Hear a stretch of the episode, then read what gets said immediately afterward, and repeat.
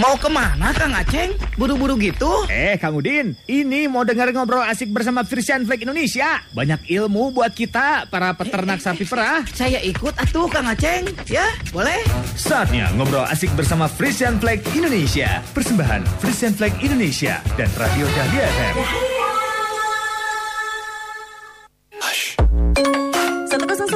Dahlia FM Bandung Goyang Sika-sika Assalamualaikum Wargi Dahlia. Hai selamat malam Wargi Dahlia. Selamat hari Jumat di tanggal 4 Juni 2021 ya.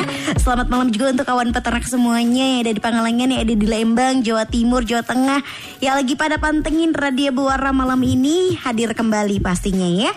Program Radio Buara ini adalah satu program pengembangan peternakan sapi perah Frisian Flag Indonesia.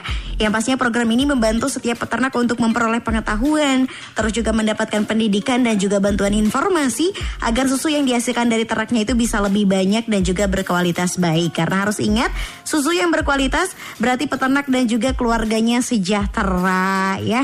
Dan pastinya untuk kawan peternak nih siap-siap ya untuk yang mau mengajukan pertanyaan seputar peternakan dan juga seputar tema kita malam ini. Temanya adalah kotoran sapi dari sudut pandang ekonomi dan pencemaran lingkungan.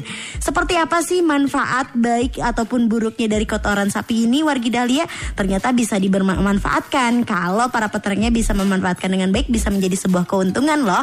Nanti kita akan bahas lebih lengkapnya lagi kalau mau ada yang ditanyakan boleh kirim via WhatsApp di 0811 222 1015 ya. Sekali lagi di 0811 222 1015. Baby Alia juga mengucapin selamat malam nih buat kawan peternak yang lagi pada live streaming dan juga lagi nonton live Instagramnya di Radio Dahlia FM dan juga di Facebooknya Radio Dahlia FM. Kalau dari tadi udah pantengin lewat Facebook dan juga Instagram, pasti dari tadi sudah melihat sosok lain ya selain Baby Alia yang sudah hadir di Jalan Berangrang 28 Bandung. Malam ini spesial sekali akhirnya bertemu dengan narasumber kita. Yang pertama ini ada Kang Tino Nurhadianto, selaku GR DDP Quality Manager PT Frisian Flag Indonesia. Selamat malam Kang Tino. Selamat malam, Beb. Alhamdulillah sehat. Sehat. Luar biasa, meniawis tepang ya. Setelah berapa tahun berarti? Luar biasa loh. Sekarang jadi aktor film katanya ya. Eh, betul, teman pensiun entah ke sabaraha gitu. Luar biasa. Kang Tino hadir kembali. Boleh disapa kawan peternaknya nih yang Ya. ada di Pangalengan, Lembang dan sekitarnya. Siap, wilujeng wengi kanggo peternak-peternak yang ada di Pangalengan, yang ada di Lembang dan juga di daerah lain kayak Garut. Jawa Timur pun mendengarkan pada dasarnya. gitu. oke. Jadi selamat mendengarkan malam ini. Luar biasa. Apalagi sekarang kita juga lagi live Facebook Iya. ya. Sapa-sapa dulu di kameranya dong bilang halo. Hai semuanya. Kalau, kalau mau tahu tampilan terbaru saya silakan. Oh iya bener Langsung promosi Eh bener loh Kawan peternak yang di Lembang Pangalengan pasti penasaran Kang Deno sekarang seperti apa Boleh nonton live Facebooknya Live kita Facebook. Dan juga Instagramnya Radio Dahlia FM ya. Oke luar biasa. Malam ini kita membahas Dan pastinya nggak cuma Kang Tino Nanti juga kita akan ada narasumber satunya lagi Dokter Hewan Asep K Pengurus KPBS Pangalengan. Pak Asep nanti akan kita coba hubungi Tapi sebelumnya kita mau ngobrol-ngobrol dulu Di peng, eh, sebagai pembuka eh, Tema kita kali ini mengenai kotoran sapi ya Kang Tino ya. Tema yang kita bicarakan malam ini agak sedikit unik ya Karena mungkin ini sering dilupakan juga oleh kawan peternak semuanya Mengenai kotoran sapi Kenapa kita mengangkat tema ini Dan termasuk bagaimana anggapan masyarakat tentang kotoran sapi Kang Tino Iya, eh, kalau di malam-malam biasanya kita kan ngomong terkait susu, terkait sapi, kandang dan lain-lain. Nah, malam ini memang agak spesial. Kita akan ngomong terkait kotoran yang dihasilkan dari peternakan sapi perah. Ya. Kenapa malam ini kita angkat tema itu? Sebenarnya kita ingin mengingatkan kembali kepada teman-teman peternak yang ada di Lembang, Pangalengan dan area sekitarnya bahwa eh, kepedulian terhadap lingkungan kalau kita amati air-air ini semakin meningkat di Indonesia. Kemudian di Jawa Barat sendiri kan sudah ada program yang digalang oleh pemerintah Citarum Harum pastinya. Itu juga eh, berdampak kepada aktivitas peternakan, terutama di Lembang dan di Pangalengan. Ya banyak memang eh, praktek-praktek di peternak yang eh, kita harapkan bisa lebih baik lagi ke depannya ya. Karena saat ini pengolahan limbah dari peternakan sapi perah sebelumnya ki- belum kita lihat sebagai perhatian khusus. Iya. Nah, dasarnya seperti itu.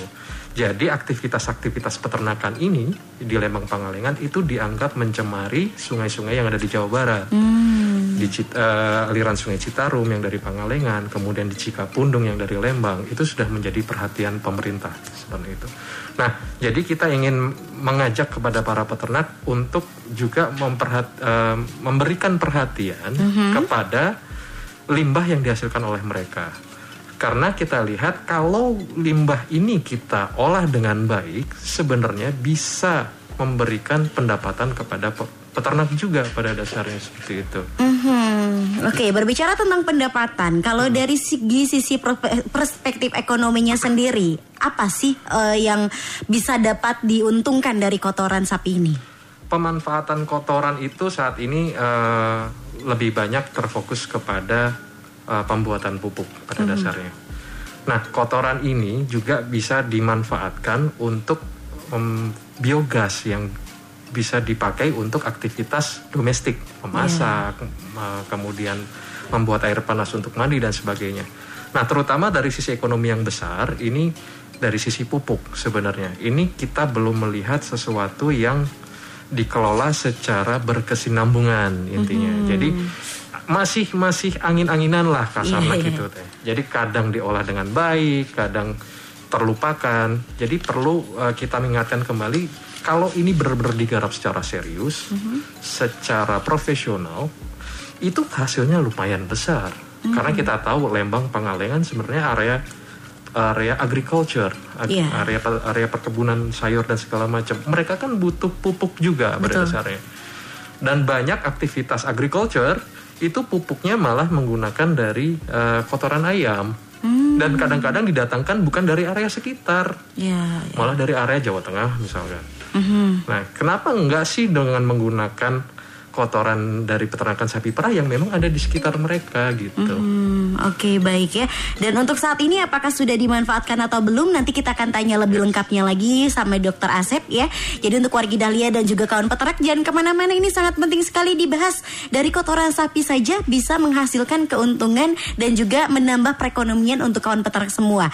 Nanti kita akan bahas lebih lengkapnya lagi. Tapi sebelumnya kita akan dengarkan dulu ada mini drama di Radio Bawara Fresh Flag Indonesia.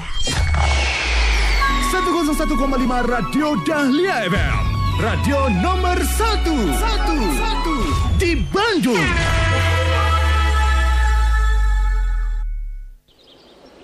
Wah, eh eh eh eh, eh. lihat-lihat. Sungai Citarum masuk berita di TV, euy. Wah iya Kang Terkenal nih sungai kita Terkenal sih terkenal. Tapi malu atuh akang-akang. Masa terkenal kotorannya karena salah satu berasal dari kotoran sapi? Iya, euy. Alhamdulillah, saya mah sudah mulai memanfaatkan kotoran sapi untuk pupuk dan media pertumbuhan cacing. Lumayan hasilnya dan tetangga yang nggak beternak jadi nggak komplain soal bau. Untungnya daerah saya daerah peternak Jadi nggak ada komplain Ya nggak bisa gitu juga tuh kan. Kalau kotoran sapi turun ke sungai dan banyak warga yang komplain, ujung-ujungnya keberlangsungan peternakan sapi perah akan menjadi tanda tanya, Kang. Bener juga ya Jadi saya perlu belajar untuk pemanfaatan kotoran agar masa depan kita dan peternakan sapi perah tetap cerah. Saya juga mau belajar soal media pertumbuhan cacing, Kang. Boleh, boleh atuh. Dengan senang hati saya mah. Besok setelah setor susu ke kandang, kita belajar bareng ya Kang. Dan jangan lupa pakai masker. Siap. 101,5 Radio Dahlia FM. Radio nomor 1. 1. Di Bandung. 101,5 Dahlia FM Gonda, Goyang Sik Asik Wargi Dahlia pastinya masih bareng sama Baby Alia di sini di Radio Bawara Fresh Flag Indonesia. Dan pastinya kita masih membahas seputar tema yang sangat unik, menarik tapi penuh sekali manfaat dan juga informasi Wargi Dahlia dan juga kawan peternak mengenai kotoran sapi dari sudut pandang ekonomi dan juga pencemaran lingkungan nih ya.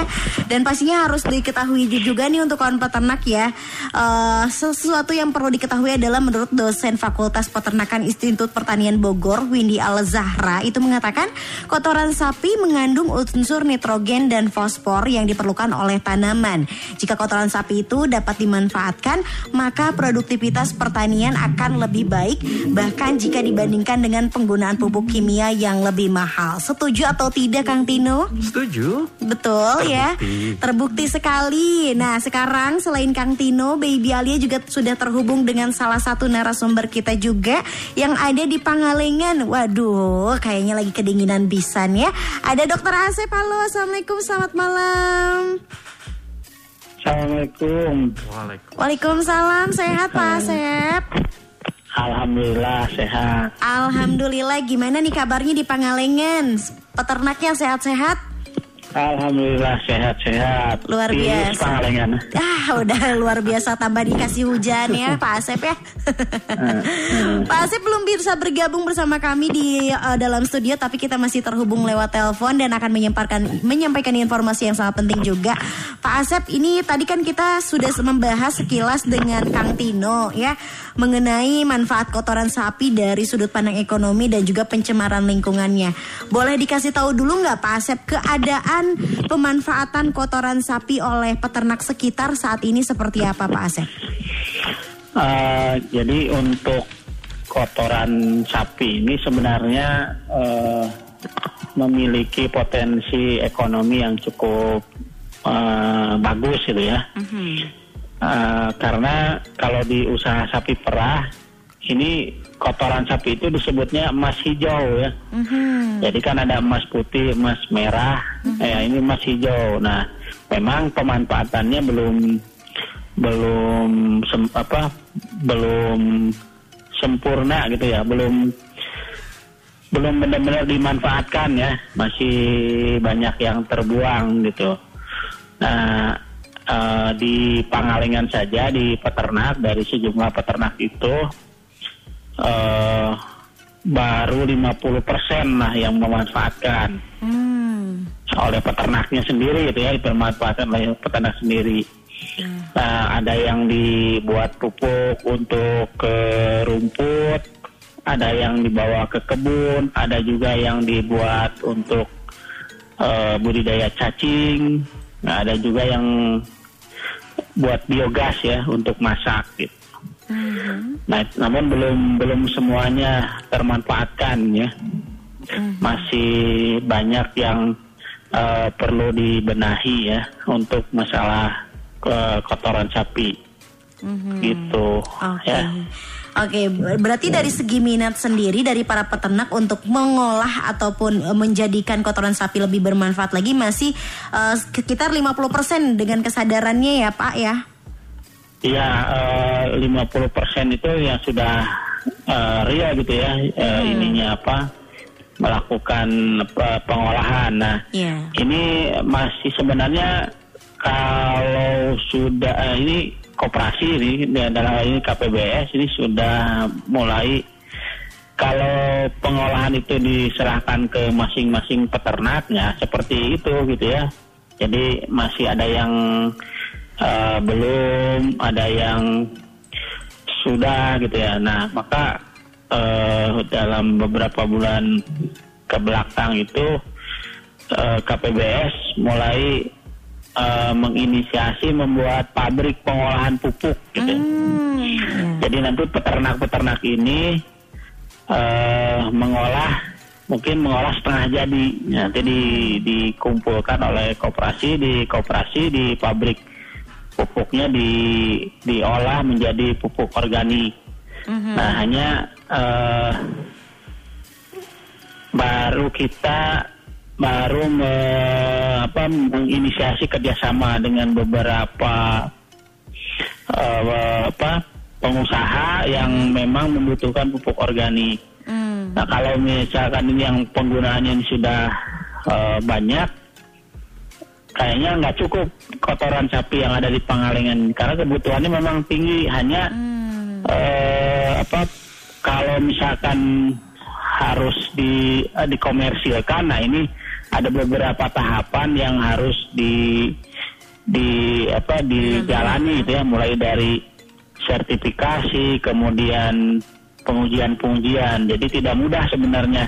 Eh, jadi untuk bisa dijual ke pasar, tapi untuk penggunaan yang dilakukan oleh peternak sendiri atau petani di sekitar eh, Pangalengan ini sebenarnya tidak usah em, apa menempuh jalur itu gitu ya.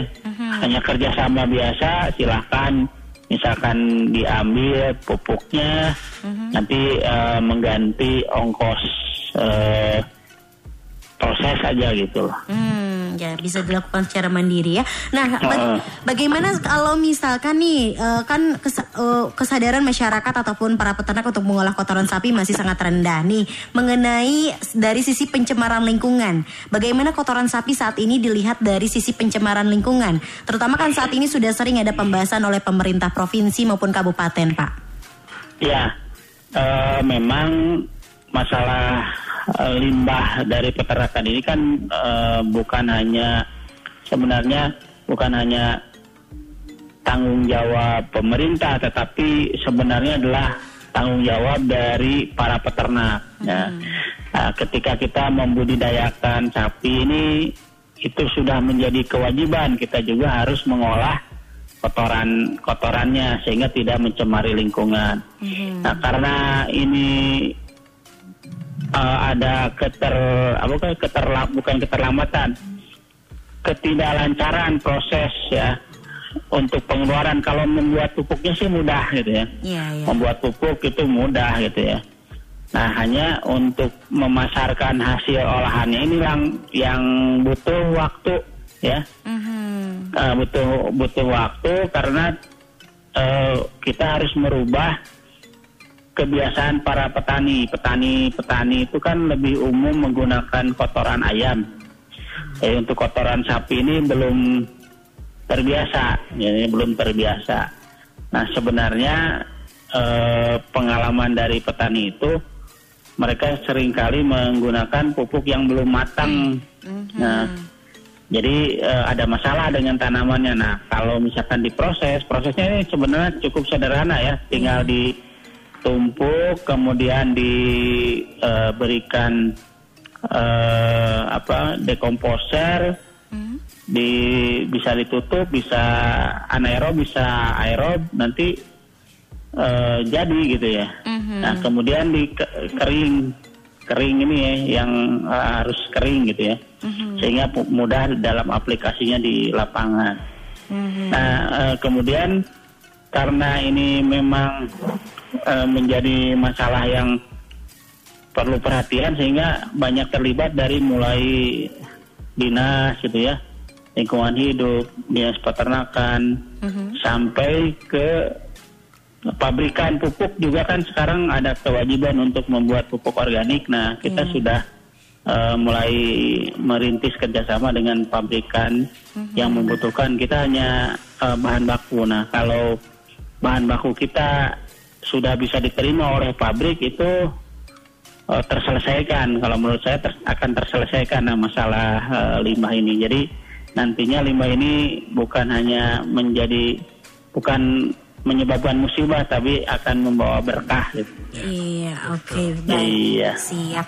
Kang Tino menyambung dari pembicaraannya Kang Asep ya, kalau untuk bisa memanfaatkan kotoran sapi ini menjadi punya nilai ekonominya, gitu ya, tidak hanya eh, kerjasama antara peternak dan juga koperasi ini, Betul. harus ada kerjasama juga antara peternak, koperasi dan juga industri. Betul. Nah, terobosan dan pemanfaatan apa yang bisa dilakukan dari kolaborasi ketiganya itu? Ya, sebenarnya yang disampaikan oleh Pak Asep memang sangat benar sekali. Ya. Jadi untuk menggarap uh, limbah ini tidak bisa kita menggarapnya secara parsial, artinya sebagian-sebagian.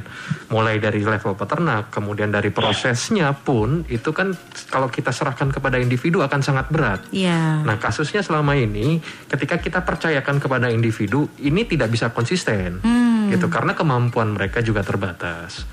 Dari sisi individual biasanya peternak sudah terlalu capek ngurus sapinya. Kemudian untuk pengolahan pun kan butuh tempat. Rata-rata di peternak tidak punya hal itu. Makanya KPBS di saat, eh, saat ini juga memfasilitasi untuk memproses itu. Nah, juga tidak kalah penting dari sisi pasar. Siapa yang akan menerima ini? Jadi eh, sebenarnya kita ngomong limbah kotoran sapi ini sebenarnya cukup kompleks gitu Iya. karena menggarapnya pun harus terintegrasi semuanya. Sa- eh, kalau ini sudah tergabung mulai dari dari level bawah peternak, kemudian secara prosesnya pun kita kelola secara baik dan profesional, konsisten. Dari sisi pasar pun ada yang menyerap, ini akan sangat sangat menguntungkan untuk semua pihak pada dasarnya.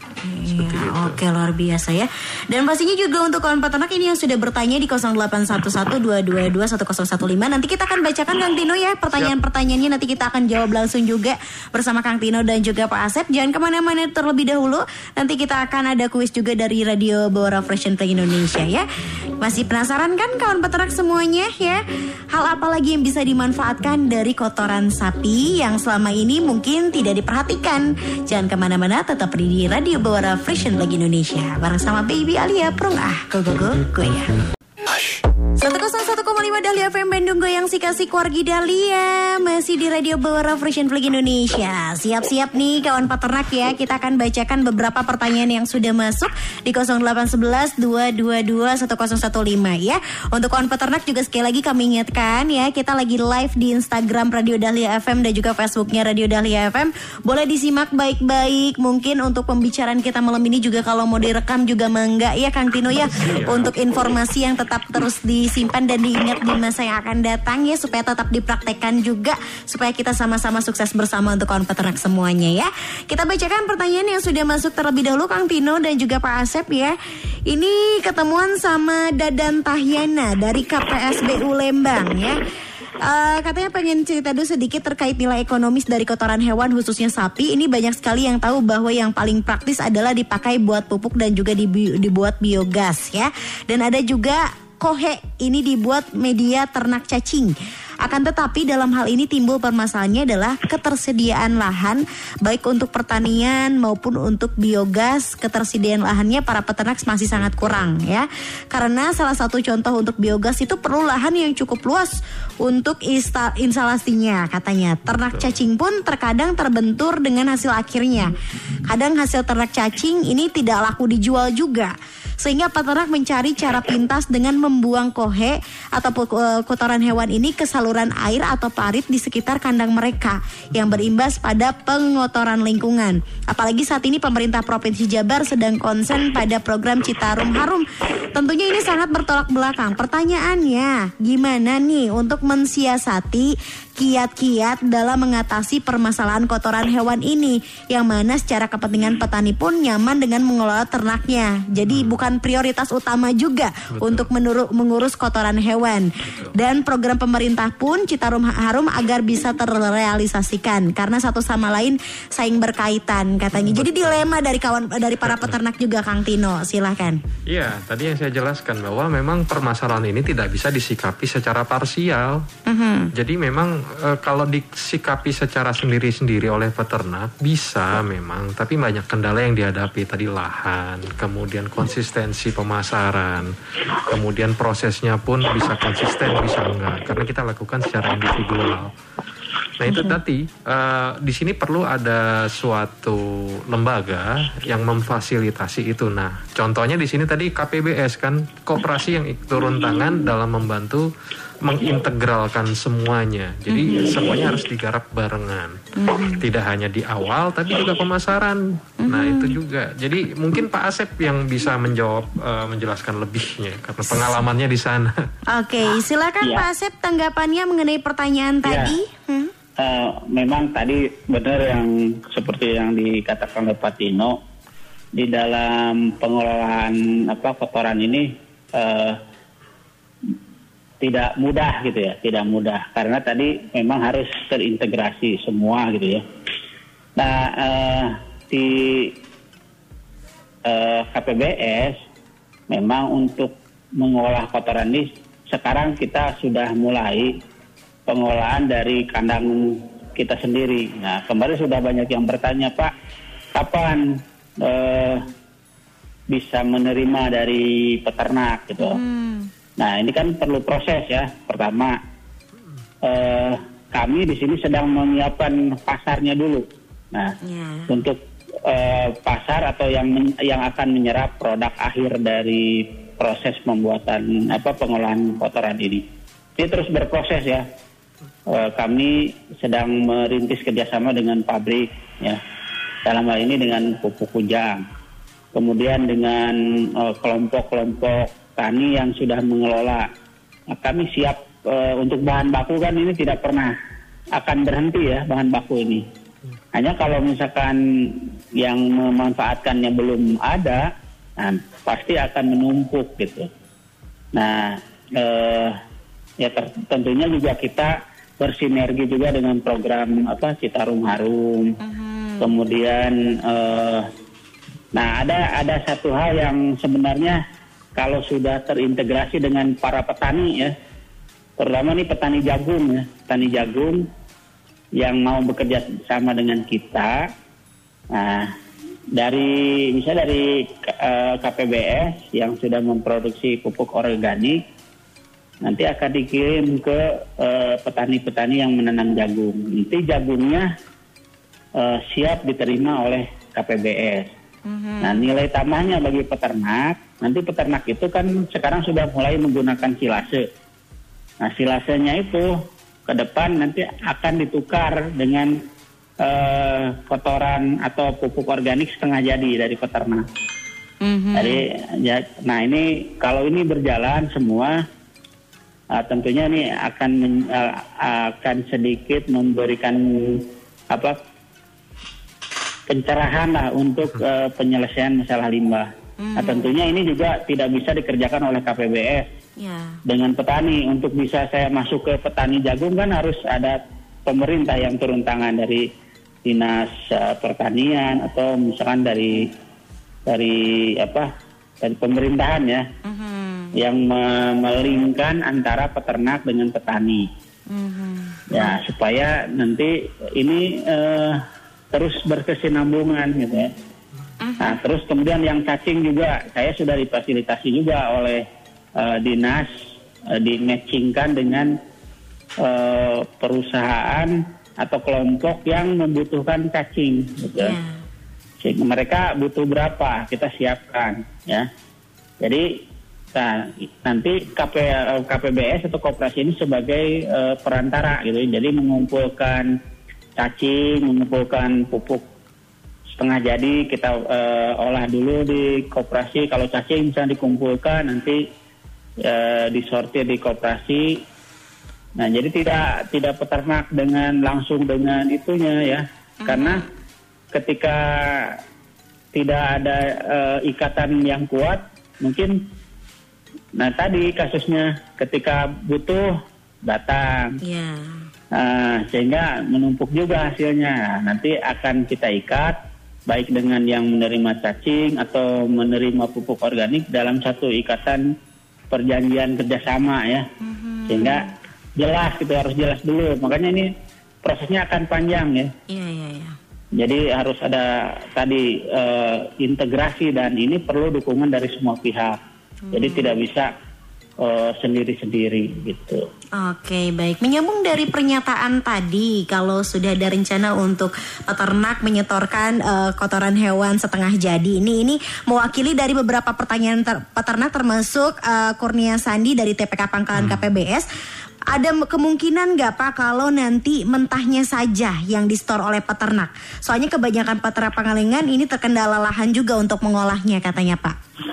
Ya, eh, nanti kita akan melakukan eh, training ke peternak-peternak. Mhm. Jadi di kemungkinan begini, nanti di kelompok-kelompok itu siapa yang punya lahan agak luas, nanti dikumpul di situ. Karena ternyata sudah penga- pengalaman dari pengalaman dulu gitu ya. Ketika kita mengumpulkan yang segar dari peternak itu disimpan di gang, kemudian di jalan-jalan itu juga akhirnya menimbulkan bau yang kurang enak yang mengganggu eh, kenyamanan eh, masyarakat gitu ya. Nah, nanti di di beberapa orang ngumpul ada satu tempat misalkan kumpul ke sana. Nah, nanti akan dilakukan training untuk kelompok-kelompok di dalam bagaimana membuat eh, setengah jadi itu seperti apa. Hmm, Gitu. oke, akan ada pelatihannya juga nanti Nah, ya. jadi nanti konsepnya itu akan seperti susu, kemungkinan akan seperti susu. Mhm. Jadi kalau susu itu kan dari peternak kumpulkan ke, eh, ke suatu tempat, nanti tim dari koperasi akan mengambil. Hmm, Nah, oke. dibawa ke satu ke tempat yang lebih besar untuk eh, proses selanjutnya gitu. Oh, dan kemas. Jadi koperasi akan mengeluarkan eh, pupuk yang sudah dikemas. Oke, baik. Kang Tino tanggapannya dari pihak industri tentang tanggapan dari Pak Asep tadi silakan. Ya, kalau saya lihat langkah Pangalengan cukup menarik bagi saya konsepnya. Uh, mudah-mudahan realisasinya ke depannya juga makin lancar Pak Asepnya karena Ya, saya ya. saya tahu sih awal-awal pasti berat Iya, gitu betul. ya. Ya. Tapi setidaknya kita mulai langkah dulu nanti akan mulai kebayang lah sedikit-sedikit Pak Asepnya. Ya, ya ini juga eh, mudah-mudahan aja jadi gitu ya. Tanggal sekitar tanggal sebenarnya rencananya sudah dari beberapa bulan ke belakang kita akan eh, launching pengiriman pupuk gitu ya dari KPBS Pangalengan untuk gerakan penanaman apa Nusantara hijau ya. Karena eh, itu kerjasama dengan eh, Gapoktan Taruna Mukti Taruna Mukti yang sudah melakukan pengolahan pupuk. Jadi dari KPBS nanti akan di launching pupuk eh, organik yang akan dikirimkan untuk gerakan penanaman Indonesia eh, Nusantara hijau. Hmm. Nah ini kerja eh, mungkin eh, sebenarnya sudah pas bulan Ramadan kemarin itu mau di launching sama Pak Gubernur nih Ya. sebagai apa eh, penyemangat untuk memota- eh, memotivasi peternak ya bahwa eh, apa penanganan limbah ini bukan apa merupakan tanggung jawab kita semua gitu ya. Nah, jadi eh, mudah-mudahan aja rencananya tanggal 24 ini bisa terrealisasi. Amin. Mudah-mudahan dipermudah juga dilancarkan segalanya ya Pak Asep ya. Ya. Oke baik, ini juga ada tes- testimoni nih dari salah satu peternak yang melakukan pengolahan kotoran hewan secara mandiri ya. Ada Ibu Aci dari TPK 38 eh, TPK Cibodas ya. Kalau di tempat saya khususnya saya pribadi katanya air kotoran sapinya itu disalurkan ke kebun ya ke kebun rumput agar rumputnya tumbuh subur dan hijau. Sedangkan kotoran sapinya sekitar 20% itu digunakan untuk biogas, 80%-nya dikarungin dijual ke peternak yang ternak cacing setiap dua minggu sekali diangkut katanya. Jadi tidak ada kotoran sapi yang mengalir ke sungai. Alhamdulillah katanya limbah kotoran hewannya jadi rupiah. Serasa saya nggak ada yang mubazir dalam peternak sapi semuanya bermanfaat katanya Kang Tino. betul. Ternyata kalau sudah mu- mau memulai bisa juga dilakukan secara mandiri terlebih dahulu ya Bisa, Kang Tino ya. Bisa. Karena Oke. kan kadang-kadang orang bilang ah, kotoran teh bau, tapi ada duit naman tuh. Bau oge cina. Bau oge tapi harum untuk dibelanjakan oleh orang rumah. Oke, berarti intinya sih ke dimulai dari peternaknya terlebih dahulu ya Betul. Kang ya. Artinya eh, sudah ada kesadaran. Itu itu modal utama dulu deh. Mhm, Oke, sudah ada Ya, kesadaran harus, dan harus dimulai dari peternak karena ini merupakan tanggung jawab peternak Betul. untuk mengelola itu. Betul, karena percuma aja kalau misalkan nanti kooperasi sudah memfasilitasi nih, Ya. tapi peternaknya malas setor gitu Nah, ya, karena ah mending malas ngolah setengah jadi karena bau atau apa gitu ya. Betul, itu juga penting. Jadi kesadaran untuk mulai eh, mengolah eh, itu sangat penting untuk ditanamkan di awal juga pastinya. Hmm, Oke, baik ya. Mudah-mudahan dengan adanya tema kita yang di- kita bahas malam ini eh, menjadi kesadaran juga untuk kawan peternak semua. Ternyata bisa menghasilkan cuan ya, bisa menghasilkan pundi-pundi juga dari kotoran hewan loh ya luar biasa ya. Kita akan akan telepon dulu untuk kuis Kang Tino dan juga Pak Asep ya. Silakan untuk wargi Dahlia yang mau telepon untuk ikutan kuis boleh di 73028 ya dan pastinya jangan lupa untuk passwordnya Radio Bora Persian Pagi Indonesia Prung ah gogo gogo goyang ya. Ada siapa ini coba halo Radio Oke boleh dicoba lagi di 73028 Halo Radio Bora Persian Pagi Indonesia boleh dicoba lagi di 73028 ya teleponnya ya. Jangan di 7311710 ya. Sekali lagi untuk kuis di 73028. Halo Radio Bora Play Indonesia. Ah, Go go go. Go go go go ya. Sama siapa di mana Teteh cantik? Sama Teh Imas, Beb, Teh Imas dari Majalaya. Eh, dari mana? dari Kampung Butul, Majalaya. Oke, luar biasa dari Majalaya nih. Dari tadi udah pa- pantengin terus ya. Iya. Iya, pertanyaannya gampang banget ya. Coba sebutkan salah satu terobosan dan pemanfaatan yang sudah dilakukan oleh peternak, koperasi dan juga industri untuk memanfaatkan kotoran sapi. Apa ya Beb? Jangan lupa lagi. Beb. Aduh lupa lagi, Sana. Dengan membuat apa? Ada pilihannya nggak Beb? Aduh, coba rayu dulu Kang Tinonya supaya ngasih pilihan coba. Ada pilihannya enggak Pak? Kang panggil dulu Kang Tino gitu. Ada pilihannya enggak Kang Tino? Asik. Tuh, gimana, gimana Kang Tino mau ngasih pilihan nggak? Ah, jadi kotoran itu bisa diolah jadi apa teh kira-kira? Mhm. Bisa diolah jadi pupuk organik gitu. Pupuk organik satu. ya. Kira-kira ada lagi nggak? Cuman gitu aja yang tahu kan. Hmm, Gimana kan? kumaha Pak Asep? Pak Asep kasih jangan hadiahnya Pak Asep. Kasih lah. Kasih. Kang pisan, Kang. Tino luar biasa ya suaranya seperti pengayom ibu-ibu eh, RW gitu ya, ibu-ibu di lingkungan KP, eh, PKK gitu. Luar biasa. Oke, Teh Imas, udah tuh ya berhasil ya menjawabnya ya. Makasih ya kan. Iya, sama-sama. Hadiahnya bisa diambil ke Radio Dahlia di jam kerja ya. Ya insya Allah. Panteng radio. Panteng Dahlia enak-enak langgabnya Dahlia. Tung ah go go go goyang. Oke luar biasa ya satu lagi pemenang dari kawan peternak semuanya kita akan pilihkan yang memenangkan adalah tadi deh yang sudah ngasih testimoni dan juga semangat untuk peternak lainnya untuk mem- memanfaatkan kotoran hewan ada Teh Aci atau Ibu Aci dari TPS 38 TPK Cibodas ya. Oke luar biasa loh ya karena testimoni itu penting sekali juga untuk membuat para peternak lain lebih bersemangat juga ya Betul. karena oh ternyata ada yang sudah melakukan gitu ternyata berhasil juga gitu ya Ada yang lebih luar dapat duitnya lebih besar dari eh, Susunya? Itu dari gedenya dari kotoran bukan dari susu. Banyak. luar bi- oh seriusan kang Seriusan. itu pengalaman di mana nih kang boleh diceritain di kang Pangalengan tuh ada Mhm. yang gede dari kotoran. Setiap bulan dia dapat orderan 30 ton dari Wow. pabrik itu saya tahu. Tapi dia baru cukup baru sanggup di kisaran 5 ton. Mhm. Di Lembang itu ada Kang Rahmat kalau nggak salah, itu juga juragan. Oh, juragan waduk. Oke, luar biasa. Bukan susu sapinya ya, lebih malahan menguntungkannya di situnya ya. Betul, kalau profesional diolah dengan konsisten, insya Allah. Hmm, lebih bagus lagi produktivitas susu sapinya juga Iya. bagus.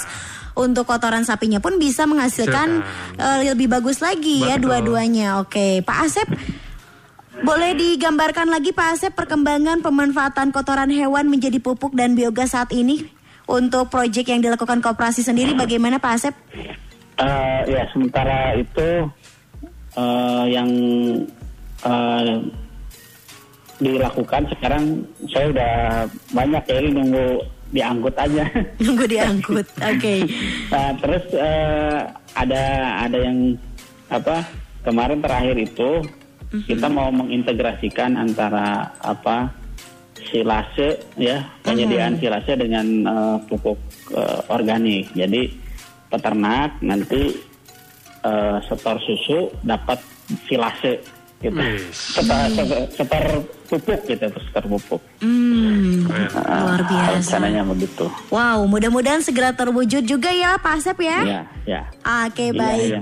Kang Tino, terakhir deh harapannya nih Kang Tino ke depan seperti apa ya? Terus juga kesimpulan yang biasa diambil dari obrolan kita malam ini apa Kang Tino? Ya, Enggak? mudah-mudahan obrolan kita malam ini bisa memberikan inspirasi pastinya untuk teman-teman di Lembang, Pangalengan maupun area yang lain ya. Jadi supaya mereka tergugah sekarang untuk mulai mengolah minimal ada kesadaran dulu deh itu.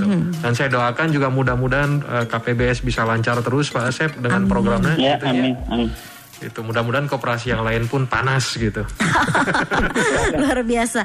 Pan, pa- para pa- panas-panas dalam kebaikan mah nggak Nah, apa-apa ya selama betul. menghasilkan cuan yang lebih ya. Sip. Luar biasa. Kalau dari Pak Asep, Pak Asep harapannya ke depan seperti apa nih Pak Asep? Dan terakhir Ya. kesimpulan yang mau disampaikan Mangga. Yang pertama adalah bahwa kotoran itu adalah tanggung jawab peternak. Mhm. Nah, semua peternak cobalah untuk memulai memanfaatkan, walaupun sedikit gitu ya. Kita mulai dengan sedikit. Kalau misalnya sekarang kita baru bisa mulai eh, mengolah menjadi pupuk organik satu ember ya kerjakanlah itu gitu ya. Nah, nanti lama-lama akan oh ini ternyata ada nilai ekonominya. Nah, sehingga kemungkinan besar nanti akan berebut kotoran sapi ini. Ada eh, salah satu peternakan di di Amerika itu eh, hasil utamanya itu bukan susunya tapi eh, kotorannya. Oke. Dia punya pabrik yang membuat pot-pot eh, untuk tanaman itu dari kotoran sapi. Jadi sapinya disuruh eh, terus gitu. Aduh, lu- lu- luar biasa. Kaget loh saya.